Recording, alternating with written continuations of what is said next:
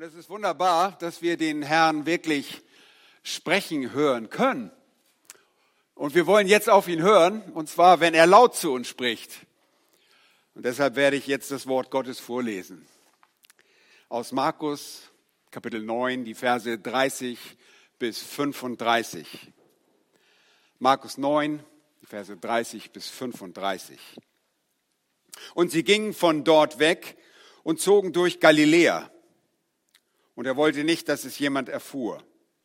Denn er lehrte seine Jünger und sprach zu ihnen, der Sohn des Menschen wird in die Hände der Menschen ausgeliefert und sie werden ihn töten. Und nachdem er getötet worden ist, wird er am dritten Tag auferstehen. Sie aber verstanden das Wort nicht und fürchteten sich, ihn zu fragen. Und er kam nach Kapernaum und als er zu Hause angelangt war, fragte er sie, was habt ihr unterwegs miteinander verhandelt? Sie aber schwiegen, denn sie hatten unterwegs miteinander verhandelt, wer der Größte sei. Und er setzte sich und rief die Zwölf und sprach zu ihnen, wenn jemand der Erste sein will, so sei er von allen der Letzte und aller Diener. Das ist der Predigtext von heute Nachmittag. Und ich habe ihn betitelt, Jesu Belehrung im Lichte unvollständigen Glaubens. Nun, diesen unvollständigen Glauben haben wir schon gesehen bei den Jüngern. Aber die vorangegangenen Texte des Markus-Evangeliums haben uns gezeigt, dass die religiösen Leiter Israels zur Zeit Jesu keinen rettenden Glauben besaßen und dass selbst das Volk ihren Fußstapfen den Fußstapfen des Unglaubens folgte. Sie waren ein ehebrecherisches und sündiges Geschlecht und waren unempfänglich für den, der ihnen das Heil brachte. Diese und jede andere Bosheit, so lehrte Jesus zuvor, komme aus dem Herzen der Menschen. Selbst seine engsten und übrig gebliebenen Nachfolger, die Jünger, hatten ihre Mühe im Verständnis dessen, was Jesus von, von sich gab. Sie verstanden seine Absichten bisher noch immer nicht. Und dabei befinden wir uns im Augenblick in dem Kapitel, das wir betrachten, nur wenige Monate vor der Vollendung des Erlösungswerkes Jesu und bald schon würde ihr so wichtiger Dienst anstehen. Und nicht ein intellektuelles Unverständnis lähmte sie, sondern selbst sie besaßen träge und harte Herzen, die nur langsam lernten. Nur einer vermochte diese Herzen zu erobern und zu erweichen. Und dieser eine, der diese Berufenen liebte, nämlich Christus, der Retter und Sohn des lebendigen Gottes, verstand sich darauf, seine Jünger ans Ziel zu bringen. Wie tat er das? Verzauberte er ihre Herzen in einem Nu mit einem geistlichen Trick zu einer vollständigen Reife? Setzte er für die Veränderung ihrer Herzen einen charismatischen Trick ein, einen ähnlichen Hokuspokus, wie wir ihn oft in dieser Welt sehen, in christlichen Kreisen, in sogenannten christlichen Kreisen?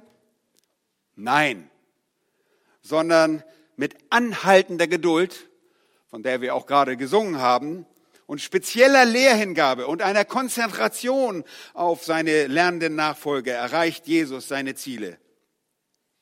Und rüstet damit sogar künftig und gleichzeitig sämtliche Jünger in der ganzen Welt zu. Jünger, die diesen Aposteln bis in unsere Zeit und darüber hinaus folgen sollten. Das nenne ich Effektivität. Das ist Effektivität sondergleichen, denn die Ereignisse und die Lehre Jesu, die später auch die Lehre der Apostel genannt wird, ist uns dank des Heiligen Geistes und dem von Gott gehauchten Wort bis auf diesen Tag erhalten geblieben. Und so folgen auch wir und ich heute Nachmittag dem Muster des Herrn, um unvollständigen Glauben zu belehren. In dem Wort liegt die Kraft, des Christentums und zur Verkündigung der Worte des Vaters war Jesus auch gekommen. Das hat er ausdrücklich gesagt. Nun lasst uns die Belehrung Jesu, die er im Lichte des unvollständigen Glaubens vornimmt, ansehen.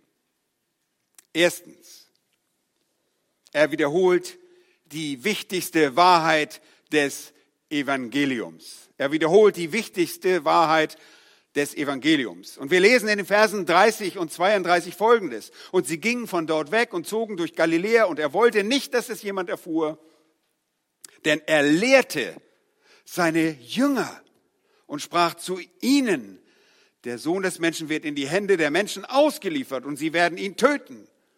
Nachdem er getötet worden ist, wird er am dritten Tag auferstehen.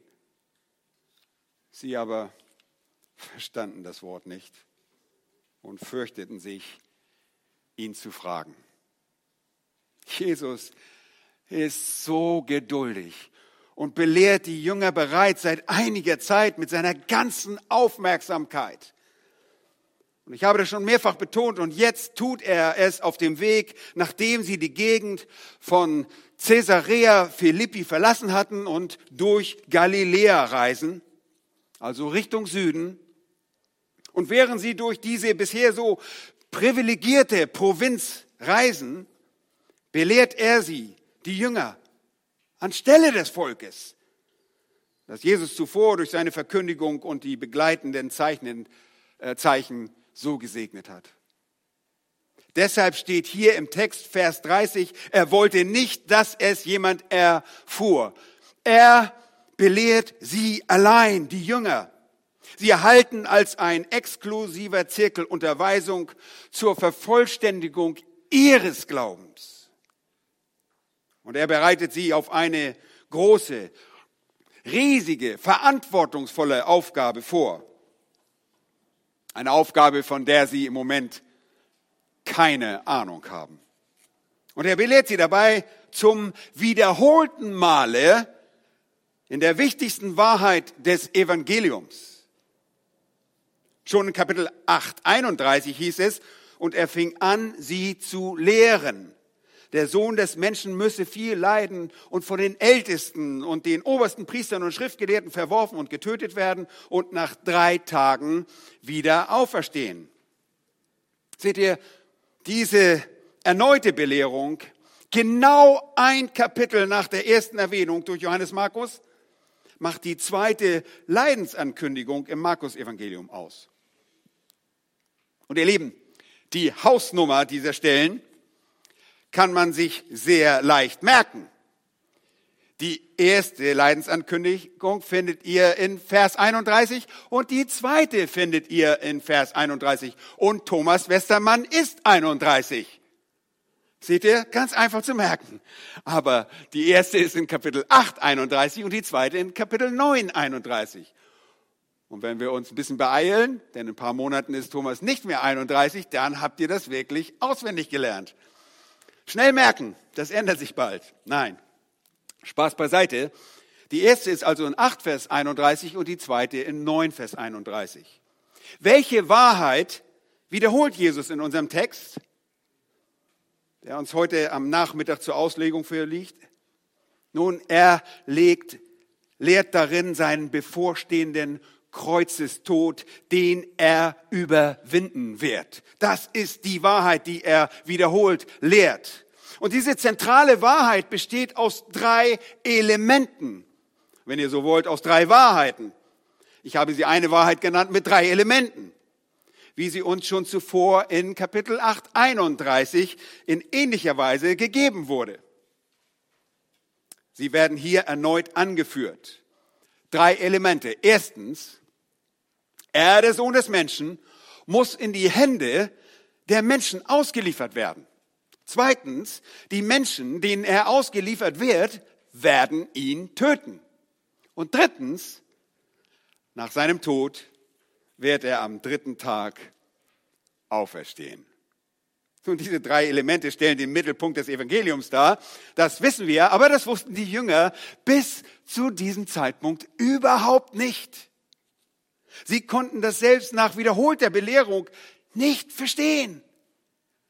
Diese Wahrheit passte immer noch nicht in ihre Erwartungen hinein.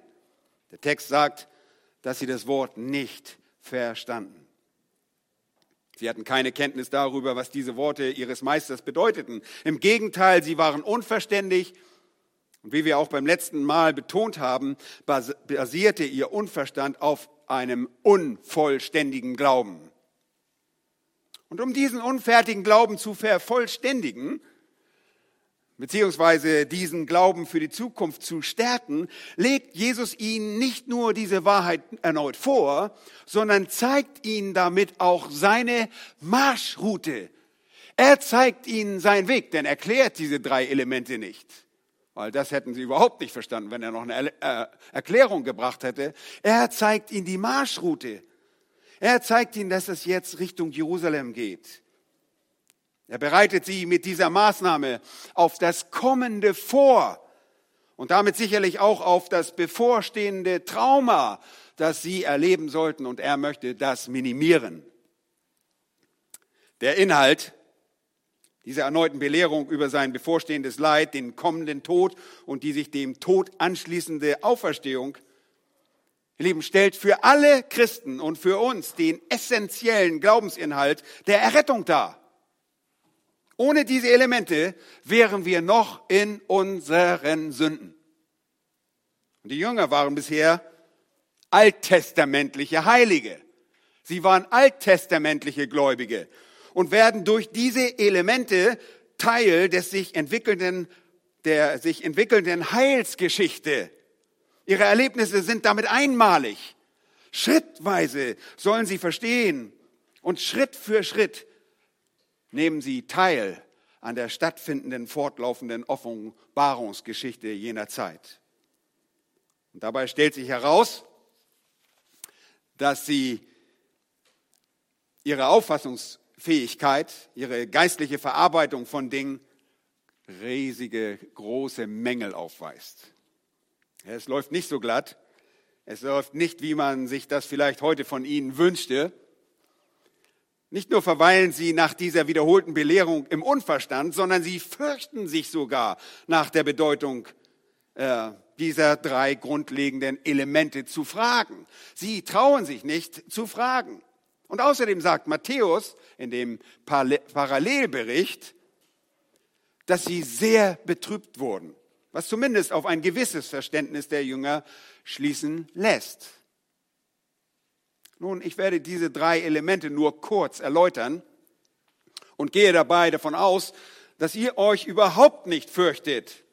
Denn wenn ihr Kinder Gottes seid, dann sind euch diese drei Bestandteile, diese drei Elemente der einen großen Wahrheit des Evangeliums schon längst bekannt.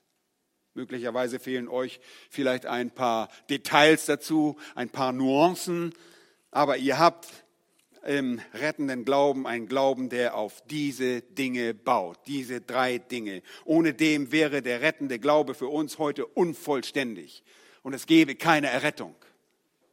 Aber lasst uns einmal die drei Elemente des Textes in ihrem Zusammenwirken betrachten. Jesus, da heißt es, der Sohn des Menschen, so heißt es hier im Text, wird die in die Hände der Menschen ausgeliefert. Nun, in der ersten Leidensankündigung wird uns mitgeteilt, wer diese Menschen sind.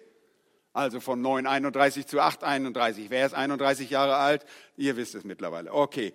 Also zu 8,31. Er fing an, sie zu lehren, der Sohn des Menschen müssen viel leiden und von den Ältesten und den obersten Priestern und Schriftgelehrten verworfen und getötet werden und nach drei Tagen wieder auferstehen. Nun, die Aussage Jesu, dass der Sohn des Menschen in die Hände der Menschen ausgeliefert wird, das ist hier neu. Das kommt hier zum ersten Mal. Und die Auslieferung Jesu kann man auf zwei unterschiedliche Art und Weisen verstehen. Erstens können wir den Gedanken der Auslieferung Jesu auf einer rein menschlichen Weise verstehen und sie so auch betrachten. Oder zweitens können wir darin die größere Perspektive sehen, die Gott als den Handelnden hervorhebt. Und wenn Jesus sagt, dass er in die Hände von Menschen ausgeliefert werden wird, dann kann man darin sicherlich den Verrat des Judas sehen. Würdet ihr damit übereinstimmen? Was kann man so sehen? Auf der rein horizontalen könnte man sagen, ja, das war Judas Ischariot. Er sollte nämlich zum Verräter werden und den Herrn Jesus für nur lächerliche 30 Silberlinge an die Feinde Gottes, an die obersten Priester verraten. Sie ihn ausliefern. Eine für mich bevorzugte Sichtweise und die bevorzugte Sichtweise dieser Auslieferung Jesu an dieser Stelle ist die Sichtweise, wie Gott sie geplant und wie Gott sie durchdacht hat. Und das ist die vertikale, also nicht horizontal, sondern die vertikale Sichtweise, in der Gott selbst der Lenker der Geschichte und als solcher gesehen wird. Die zum Tod und der Auferstehung führende Auslieferung Jesu sollte sich letztlich nicht auf Entschluss menschlicher Bosheit ereignen. Nein, auf keinen Fall. Das ist menschlich betrachtet zwar korrekt, aber es gibt da eben diese größere geistliche Realität und Sicht, bei der Gott alles überwaltet und als Initiator und als der Handelnde verstanden wird. Und diese historisch stattfindenden Ereignisse zur Einleitung und Hinführung sowie die Realisierung des Todes Jesu fußen auf der willentlichen Entscheidung unseres dreieinen Gottes. Jesus sagt uns die Schrift, war das Lamm, das geschlachtet worden ist, von Grundlegung der Welt an. Und er, Jahwe Gott, hatte in der ewigen Vergangenheit sich seinem ewigen Ratschluss zu diesem dreiteiligen Vorgehen zwecks Errettung der Menschen entschlossen, so vorzugehen. Gott selbst plante den Tod auf diese spezielle Art und Weise, so dass Jesus in die Gewalt seiner eigenen Schöpfung, nämlich in die Hände der Menschen, ausgeliefert werden sollte. Das war kein Unfall. Das war nicht eine Entscheidung von Menschen. Nein. Dafür würde Gott selbst sorgen und dafür sorgte Gott selbst. Die Geschichte der Menschen ist Gottes Geschichte diese Menschen sollten auf Beschluss Gottes das Leid und den Tod Jesu herbeiführen. Die anschließende Auferstehung jedoch, obwohl genauso geplant, schließt jeglichen menschlichen Einfluss, jegliche menschliche Teilhabe komplett aus. Oh, wie wunderbar zu lesen und wie viel wunderbarer noch, diese Wahrheiten im Leben sogar anzunehmen und das eigene Leben darauf zu bauen. Wie einfach zu verstehen, wenn wir den ganzen Ratschluss Gottes bereits vor Augen haben und weil Jesus gemäß seiner Verheißung, seinem Versprechen, den Heiligen Geist sandte, damit wir in ihm die Salbung, einen Lehrer haben, der uns in diesen Dingen, die der natürliche Mensch nicht versteht, Einblick und Verständnis bekommen. Wir hegen und wir pflegen und verteidigen diese großen Wahrheiten des Evangeliums. Den Jüngern ging es da eine ganze Weile völlig anders. Vers 32. Sie aber verstanden das Wort nicht und fürchteten sich, ihn zu fragen. Nun, wir verstehen vielleicht, warum sie das Wort nicht verstanden, aber warum fürchteten sie sich, Jesus danach zu fragen? Warum diese Furcht? Nun, vielleicht hatten sie einfach nur Angst, dass er, Jesus, das, was er sagte, auch so meinte. Die von Matthäus angeführte Betrübnis spricht für diese Annahme, dass sie glauben, oh, der meint es ernst. Und das hörte sich gefährlich an. Und sie würden durch diese Perspektive sehr betrübt und auch verständlicherweise zunächst einmal ängstlich. Das konnte doch nicht sein. Aber nachfragen? Oh, lieber nicht, lieber nicht nachfragen. Das wollten sie dann doch lieber nicht zu diesem Zeitpunkt bei diesem so heiklen Thema. Stattdessen verharren sie in Unkenntnis, in Unverständnis und einem unvollständigen Glauben. Aber das ist nicht alles. Jesus kannte ihre Situation. Und er war vertraut mit ihrer Unkenntnis, ihrem Unglauben. Er kannte ihre harten Herzen, ihren Unmut, ihre Enttäuschung.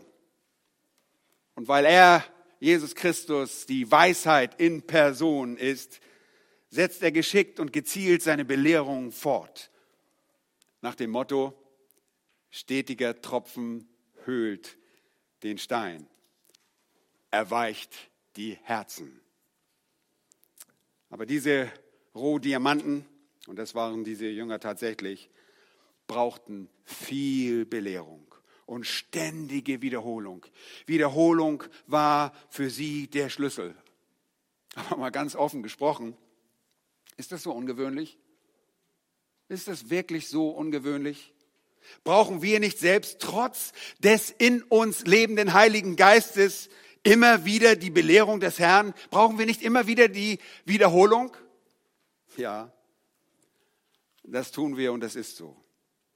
Und dem Herrn sei Dank, dass wir uns als wahrhaft Gläubige die Wahrheiten der Schrift zum einen immer wieder selbst vor Augen führen können und zum anderen uns kollektiv in der Gemeinde den heiligen, den stetigen Tropfen der Worte Gottes immer wieder aussetzen dürfen. Das ist wunderbar. Und ihr wisst, wenn wir hier lehren, dann sind es keine Tropfen, sondern Eimer. Die 30 Minuten Predigten sind Tropfen, aber wir wollen den ganzen Eimer auskippen, damit ihr weiterkommt. Wir brauchen das so sehr. Und so werden selbst die rauen Kanten und Ecken an den scharfkantigen und starren Herzen beseitigt. Und wir dürfen wachsen, ganz so wie die Jünger es letztlich auch taten. Aber diese Evangeliumswahrheit enthält letztlich auch diese Wunder, dieses wunderbare Element der Auferstehung. Wir erinnern uns, dass sie mit der Auferstehung nichts anfangen konnten und auch diese nicht begriffen. Erinnert ihr euch in den Texten zuvor, dass sie darüber diskutierten und sich besprachen? Und ohne die Auferstehung des Herrn wäre das Christentum ein schrecklicher, ein elender Irrtum. Wir könnten alle nach Hause gehen. Wir könnten alle irgendwo hingehen zum Pokern, ins Casino oder sonst irgendwas machen. Ohne die Auferstehung wäre es ein schrecklicher Irrtum. Aber weil Jesus den Tod besiegt hat und er lebt, werden auch wir leben, obgleich wir physisch sterben. Preis den Herrn dafür.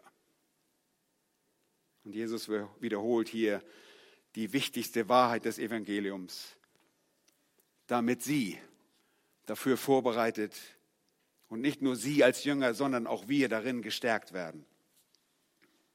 Er wiederholt diese Wahrheit auch deshalb, weil es immer auch ein erstes Mal im Verständnis gibt und Menschen zu der Erkenntnis Wahrheit zur der Erkenntnis der Wahrheit kommen, sie zum lebendigen Glauben kommen dürfen, wenn sie heute davon hören, dass Jesus gelitten hat und gestorben ist und wieder auferstanden ist zur Errettung der Menschen. Für diesen Zweck können wir das Evangelium mit dieser Wahrheit nicht oft genug erzählen. Nun, für die Jünger brauchte es jetzt noch keine Erklärung dazu. Wir erklären das dann häufig, was es wirklich bedeutet. Aber wir kommen im Text zu der zweiten Belehrung Jesu, die im Lichte eines unvollständigen Glaubens nötig war und es noch immer nötig ist. Und das ist, dass Jesus sie überführt von ihrer Selbstbezogenheit.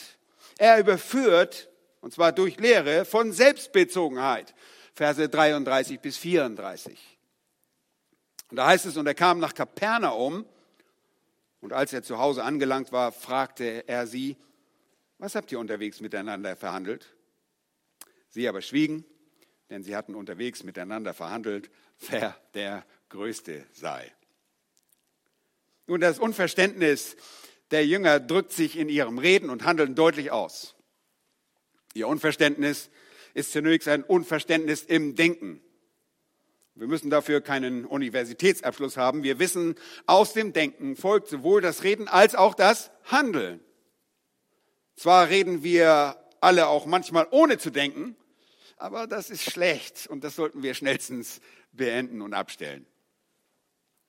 Die Jünger, so Vers 34, verhandelten miteinander, weil sich der Gedanke eingeschlichen hat, hatte, wer wohl der Größte im Reich Gottes sein würde. Und sie versuchten sich dabei miteinander abzustimmen. Und sie machten Dinge untereinander aus, zwischen sich aus, über die sie nicht einmal Befugnis hatten. Diese Verhandlungen der Jünger, und so gestalten sich Verhandlungen eigentlich immer, egal welcher Art sie sind, wurde durch bestimmte Gedanken und Wertmaßstabe, äh, Wertmaßstäbe ausgelöst. Der Glaube eines Nachfolgers Jesu sollte durch richtiges Denken und durch richtige Maßstäbe gekennzeichnet sein. Glaube und Nachfolge basiert nicht auf einem emotionalen Wirrwarr. Der Glaube, der uns geschenkt wurde und für den wir einstehen, ist nicht ein mystisches Durcheinander, ein religiöses, vom Verstand losgelöstes Vertrauen. Oh nein, wenn ihr das glaubt, dann ist euer Glaube aus dem Gleichgewicht geraten und fehlgeleitet. Glaube ist nicht losgelöst vom richtigen Denken. Selbst wenn der Verstand des Menschen dabei nicht die höchste und schon gar nicht die letzte Instanz ist.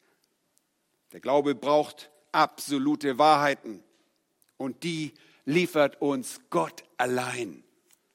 Diese Wahrheiten liefert Jesus seinen Jüngern. Die von allen Jüngern angenommen und anerkannten Wahrheiten prägen dann unser ganzes Leben, denn wir sind auch Jünger. Sie prägen unser ganzes Leben, wenn wir diese Wahrheiten annehmen. Ist der Glaube aber unvollkommen, dann fehlen bestimmte Einsichten und der Glaube wird zu einem Glauben des unvollständigen Denkens und ein Glaube zur Unehre Gottes. Durch die vorhandenen Denklücken kommt diese Verhandlung bei diesen Jüngern zustande.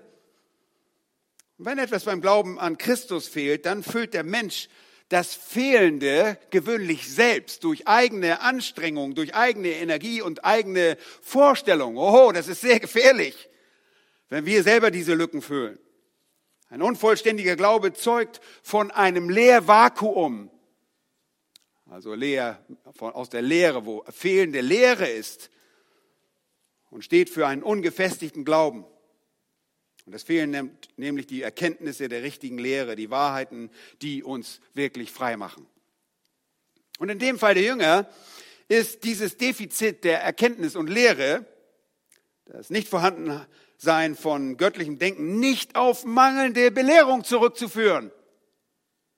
Warum wohl nicht? Hatten sie einen inkompetenten Lehrer? Oh nein, sie hatten den besten Lehrer, den es überhaupt gab.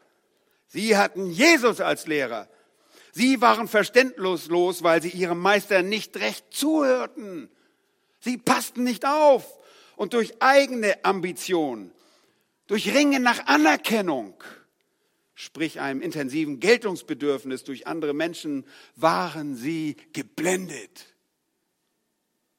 Sie dachten menschlich und nicht göttlich. Und gerade noch hatte Gott der Vater die drei Jünger auf dem Berg der Verklärung gemahnt und dazu aufgefordert, auf ihn sollt ihr hören. Aber schon war diese Aufforderung vergessen. Und wir erinnern uns auch zuvor an die erklungenen Worte Jesu, wer Ohren hat zu hören, der höre. Markus Kapitel 4. Möglicherweise hatte der Auftritt Jesu bei seiner Verklärung auf dem Berg für die drei Jünger Hoffnung auf eine vornehme Stellung im Reich Gottes geweckt. Und auch die übrigen neun waren möglicherweise durch das Wunder an dem besessenen Jungen neu darauf gekommen, die Machtverhältnisse unter den Jüngern zu verhandeln. Nun, wiederum greift Jesus bei ihren Verhandlungen der Jünger nicht ein. Kennen wir das irgendwoher? Er lässt sie in ihren Verhandlungen fortfahren, bis er nach Kapernaum kommt. Schon zuvor überließ Jesus die drei in ihrer Absprache, als sie in ihrer Verwunderung über die Auferstehung sprachen und nicht wussten, was es bedeutet.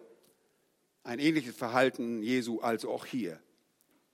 Nach der Ankunft also in Kapernaum dass Markus als das Zuhause Jesu anzeigt, laut der Schlachter 2000, die Elberfelser sagt, als er in dem Haus war, überführt Jesus seine Jünger durch eine ganz einfache Frage.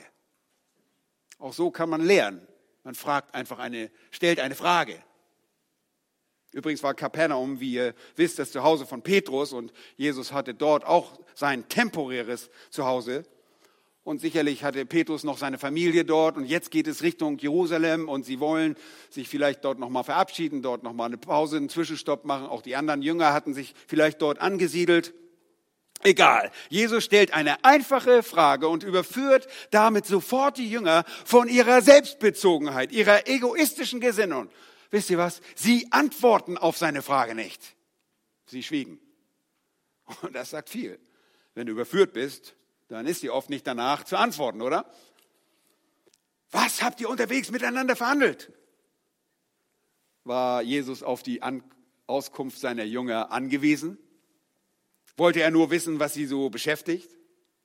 Natürlich nicht.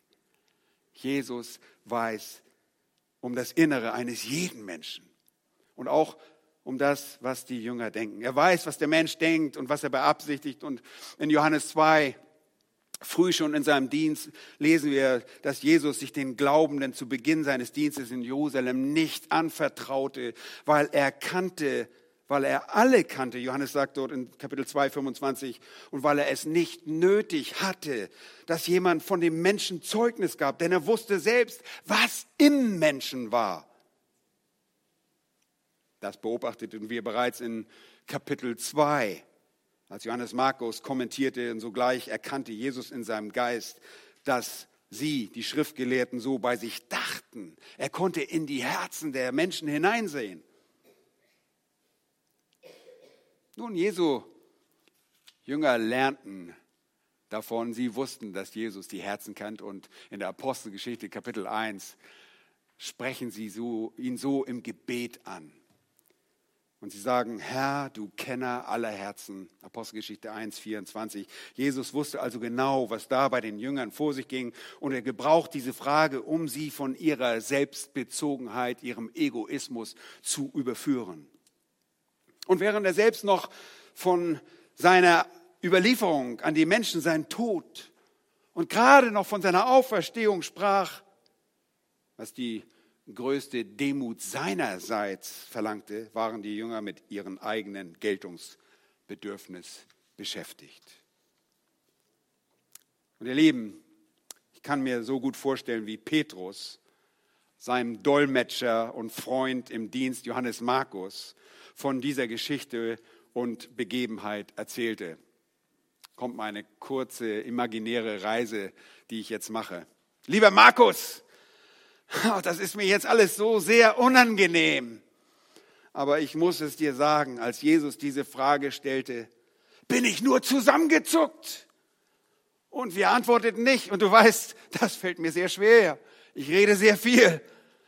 Ich wusste irgendwie, dass das, was wir da verhandelten, nicht ganz koscher war. Ja, dass es fürchterlich unpassend war. Das war mir intuitiv irgendwie klar, obwohl wir alle Jünger keine Ahnung hatten, was daran genau eigentlich falsch war. Irgendwie war das nur ein Gefühl, das mir sagte, dass das Aushandeln von den vornehmsten Positionen in dem für uns damals real entstehenden Reich des Herrn nicht ganz richtig war. Aber immerhin, ich sag's dir, ich hatte schon einen super Posten ausgehandelt. Ich hatte es zum Reichsminister gebracht. Peng! Da kam diese Frage von unserem Herrn. Und damit war dieser scheinbar so sichere Posten für mich in der unmittelbaren Nähe des Reichspräsidenten futsch. Ich war einfach nur sprachlos. Und du weißt, wenn ich nichts sage, der Rest sagt dann auch nichts. Aber es sollte noch viel dicker kommen. Wir wurden ja immer wieder belehrt, aber diesmal wäre ich am liebsten unter einem der am Uferdock liegenden Fischerboote verschwunden. So schämte ich mich als Meister. Dann bei einer anderen Gelegenheit, als der Meister dann anfing, uns, uns erklärte, was die wahre Größe in der Nachfolge ist. Siehst du, Markus, wir trauten uns zwar nicht zu fragen, als Jesus von der Überlieferung, seinem Tod und der Auferstehung sprach, aber wir fragten ihn ein paar Tage später danach, wer ist der Größte im Reich der Himmel? Oh, oh, das löste für uns eine Welle der Demütigung aus. Okay, soweit.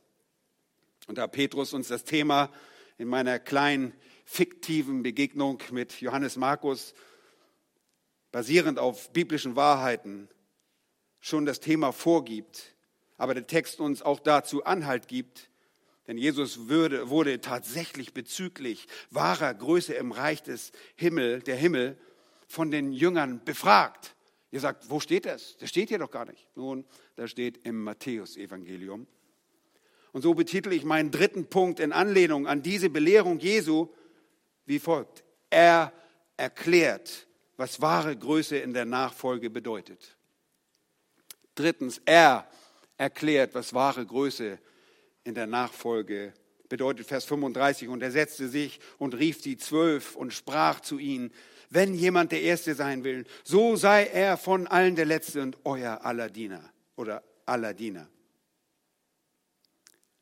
Ihr Lieben, einer der, eine der wichtigsten Lektionen für die Nachfolger Jesu aller Zeiten ist die Belehrung über die wahre Größe in dem Herrschaftsbereich des ewigen Königs. Und in diesem Bereich der Herrschaft bist du als Christ angekommen.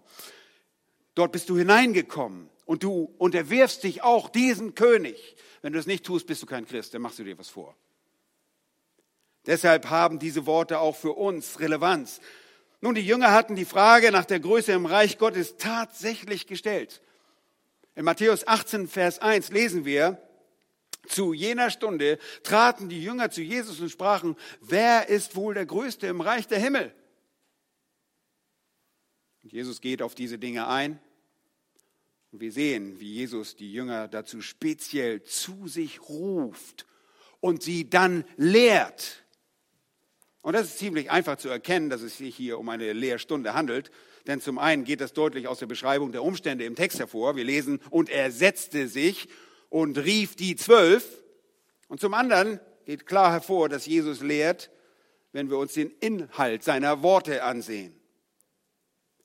Die Rabbiner jener Zeit die jüdischen Lehrer setzten sich gewöhnlich zur Belehrung, während sich die ihm zugewandte, zu belehrende Schar der Jünger gewöhnlich um den Meister herumstellte. Was lehrt Jesus? Ich glaube, den Jüngern fiel bei der Beantwortung ihrer Frage der Kinnladen herunter. Und das, obwohl sie an den Herrn glaubten. Diese Lehre Jesu ist eine dem natürlichen Menschen total fremde und enthält für sie eine widerstrebende Denk- und Lebensweise. Aber hier sind Jünger. Und Jesus belehrt sie quasi und sagt, willst du ein großer unter deinesgleichen sein, dann stell dich hinten an. Lass anderen Glaubenden den Vortritt. Achte sie höher als dich selbst. Drängel dich nicht vor. Schiebe dich nicht in den Vordergrund, um die erste Wahl zu haben, das erste Wort loszuwerden. Sei hingegen der Letzte, sei ein Diener und denke nicht einmal daran, dich bedienen zu lassen. Sei selbst der Diener aller. Ho, eine Lektion der Demut. Mann, oh Mann, die Gesichter der Jünger wurden sicherlich in diesen Momenten bleich. Und der von Petrus selbst angedachte, fiktive, verhandelte Ministerposten bröckelte, vermutlich bei den Worten Jesu und änderte sich in einen ministerialen Müllplatzentsorger. Vielleicht sah er sich dabei schon als Ordnungshüter der schmuddeligen, brennenden Müllhalde im südlichen Grenzbezirk Jerusalems, dem Hinnomtal. Und die Wahrheiten dieser Rede Jesu, wie sie der Text aufzeigt, sollten die Jünger beständig in dem Leben und als gelebte Illustration von ihrem Meister in Perfektion beobachten können. Hier waren nicht nur Worte, hier war der Meister, der das täglich vorlebte. Er, der Herr Jesus, ist für diese Wahrheiten das ultimative Vorbild.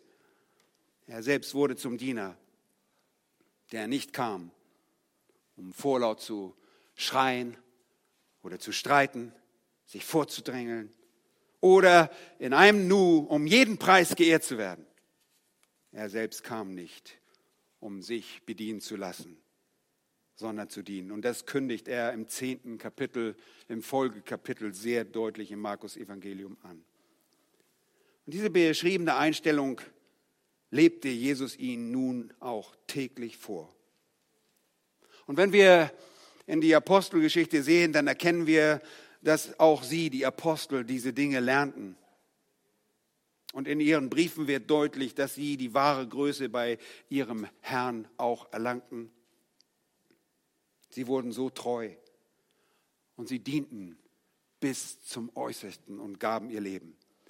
Sie verzichteten oft auf irdisches Wohl um der Heiligen und um Christi willen. Der Liedtexter Gerhard Tersting bringt diese Einstellung der Kinder Gottes wunderschön in dem Lied Gott ist gegenwärtig zum Ausdruck. Und da heißt es in der dritten Strophe, wir entsagen willig allen Eitelkeiten, aller Erden Lust und Freuden. Da liegt unser Wille, Seele, Leib und Leben, dir zum Eigentum ergeben. Du allein sollst es sein, unser Gott und Herr, dir gebührt die Ehre. Und diese von Jesus gelebte und gelehrte Lebenseinstellung soll immer auch bei uns zu finden sein. Und sie ist nicht irgendein altertümliches, zu überarbeitendes Prinzip, sondern ein gültiges, geistliches Prinzip, eine Lebenshaltung. Zwar wurden diese Worte nicht gleich, aber letztlich doch von allen wahren Aposteln verinnerlicht und so angenommen, dass diese Einstellung zum unerschütterlichen Glaubensgrundsatz in ihrem Leben, ihrer Predigt und Lehre wurde. Und auch wir sind dazu angehalten, nicht nur für andere zu leben, sondern selbst unser Leben zu geben, das Leben zu lassen und unser eigenes Kreuz täglich auf uns zu nehmen. Aber das hat mich in der Vorbereitung der Predigt neu ermutigt und motiviert, denn ich war durch einige Umstände in der vergangenen Woche etwas niedergeschlagen. Unsere Nachfolge bringt zwar ein temporäres Verzichten in so manchen Lebensbereichen mit sich, aber der Lohn, der dem treuen Kind winkt, ist so viel edler und reicher und steht in keinem Verhältnis zu dem, was du aufgrund deiner Durchsetzung von Wünschen erreichen könntest. Wir müssen nicht im Detail von unserem Verzicht reden, denn dann ist der Lohn schon wieder dahin. Aber behaltet diese Wahrheit im Kopf lasst sie in die Zunge und in eure Gliedmaßen gelangen, damit ihr einander dient und dem Herrn Jesus Christus. Dein Verzicht, deine Demut, deine Hochachtung, Wertschätzung deines Gegenübers, deines Nächstens, ja die Liebe zu anderen Personen oder ganzer Personengruppen, ja besonders auch der Gemeinde, gerät bei gleichzeitiger Missachtung deiner Wünsche bei dem Herrn, dem Kenner der Herzen, niemals in Vergessenheit. Und das Erstaunliche dabei ist, dass wenn du nach den Anweisungen und Maßstäben Gottes lebst, dass er dir als Resultat davon die ersehnte Zufriedenheit im Leben schenkt und du dir an seiner Gnade genügen lässt. Deine Perspektive von Besitz und Ehre wird korrigiert. Und du freust dich dann, wenn andere das erlangen, was du dir ursprünglich so sehr gewünscht hast.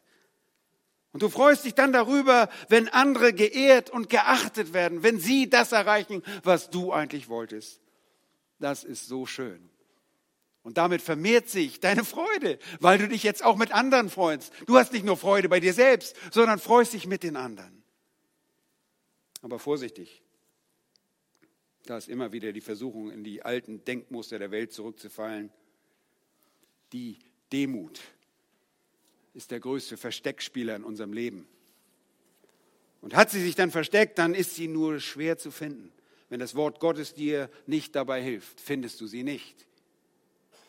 Ganz wie der unvollständige Glaube durch das Wort Gottes reift und vervollständigt wird, so musst du dich in Hochmut erneut und immer wieder am Wort des Christus ausrichten und dich durch sein Wort heiligen lassen. Und ich vertraue darauf, dass ihr das versteht, wovon ich spreche. Diese Dinge dürfen euch nicht fremd sein. Sie beschreiben den Kampf eines Christen, den Kampf, den wir in der Nachfolge Jesu alle erleben. Und wir wollen unserem Herrn ähnlich werden, ihm ähnlich sein und bleiben Und deshalb schreibt der Schreiber des Hebräerbriefes, dass wir in unseren Schwachheiten und Entmutigungen in der Kampfbahn des Glaubens auf Jesus sehen sollen. Denn der Herr Jesus ist der Anfänger, der vorangegangene Urheber des Glaubens, der uns in ausgeprägtester Weise den Glauben vorgelebt hat. Ihn sollen wir betrachten. Und er ist der Vollender des Glaubens. Er vermag den unvollständigen Glauben zur Reife zu bringen. Und er vermag die Lücke des Glaubens durch seine belehrende Art auch in deinem Leben zu schließen. Und die Frage ist nicht in deinem Leben, ob du groß sein willst. Die Frage ist, wie du bei Gott in seinen Augen wahre Größe erreichst. Wie du bei ihm groß bist, das ist relevant. Und während aller Ruhm der Welt ein Ende finden wird, die wahre Größe beim Herrn bleibt ein Bestandteil in deinem Leben, weil dein Leben als Kind Gottes ewig ist. Erinnern uns einmal an den reichen Mann in der Geschichte mit dem Lazarus. In Lukas 16. Oh, der Reiche war mit Sicherheit, mit Sicherheit populär und durch seinen Reichtum gelangte er unter Garantie in seinem Freundeskreis zu großem Ansehen. Er war groß in der Welt, er folgte den neuesten Modetrend, er war gekleidet in Purpur und kostbarer Leinwand, heißt es dort. Er lebte alle Tage seines irdischen Lebens herrlich und in Freuden. Er war in der Tat eine Größe in dieser Welt. Aber was fehlte ihm? Er kannte Gott nicht. Er lebte für sich. Er war ein reicher Tor denn er diente weder Gott noch den Menschen und er kannte das Wort Demut überhaupt nicht. Wahre Größe, die Jesus seinen Jüngern beibringt und vorlebt, war diesem Reichen fremd. Und er suchte seine Ehre und war deshalb nur in den Augen der Welt groß. Leider tendieren wir sogar als Christen manchmal dazu, diese vermeintlich großen Menschen um ihres Besitzes willen zu beneiden. Aber das ist falsch. Und Asaf, der einen ähnlichen Kampf des Neids erlebte, belehrt uns über das Schicksal dieser Menschen ohne Gott. Er sagt, oh, wie sind sie so plötzlich verwüstet worden. Sie sind untergegangen und haben ein Ende mit Schrecken genommen. Psalm 73, Vers 19. Und ich denke an einen sehr begabten Basketballspieler in Los Angeles, der Los Angeles Lakers, der menschlich gesehen alles erreicht hatte und annahm, den Ruhm seines Erfolges noch lange feiern zu können, bis er zu Beginn dieses Jahres in einem Hubschrauberunglück im zarten Alter von 41 Jahren tödlich verunglückte. Er kannte den lebendigen Gott nicht und deshalb war auch geistliche Demut nicht das Wort in seinem Wortschatz und auch nicht in seinem Leben zu finden. Und auch ihr erinnert euch an das Ende des Reichen in Lukas 16. Aus Abrahams Mund und aus dem Himmel hört jener diese endgültigen Worte. Da heißt es, Sohn, bedenke, dass du dein Gutes empfangen hast in deinem Leben.